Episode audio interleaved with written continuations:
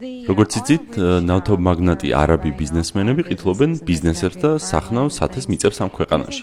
როგორ ფიქრობთ, კარგი იქნება თუ არა ამ ქვეყნისთვის ისეთივე კანონის მიღება, როგორც მექსიკელებმა მიიღეს 50-იანებში, რის მიხედვითაც კომპანიის ან მიწის 50%-ზე მეც ქვეყნის მოქალაქე უნდა ფლობდეს. არა, ქალბატონო, მე მწამს ინდივიდუალური თავისუფლების არა მხოლოდ ერთ სახელმწიფოში, არამედ საერთაშორისო დონეზე. ჩემი აზრით, მიწის ყიდვა თავისუფლად უნდა შეგეძლოს მექსიკაში და ნებისმიერ სხვა ადგილას. და მთავრობებმა ამაში ხელი არ უნდა შეგვიშალოს. ეს ქვეყანა არ გამختარა დიდებული უცხო ქვეყნის მოქალაქეებისთვის ჩამოსვლის, მიწის და ბიზნესების ყიდვის აკრძალვით. სრულიად პირიქით. რატომ გავხადეთ მიწის ყიდვა მათთვის ასეთი ხელსაყრელი? იმიტომ რომ ჩვენ ჩვენთვის გავატარეთ უკუშედეგების მქონე უამრავი პოლიტიკა. კი, მაგრამ მათ ასეთი დიდი ზიანი მიაყენეს მექსიკას. არა, მექსიკას უფრო დიდი ზიანი მიადგა, როდესაც მთავრობამ ნავთობის ინდუსტრიის ნაციონალიზაცია დაიწყო.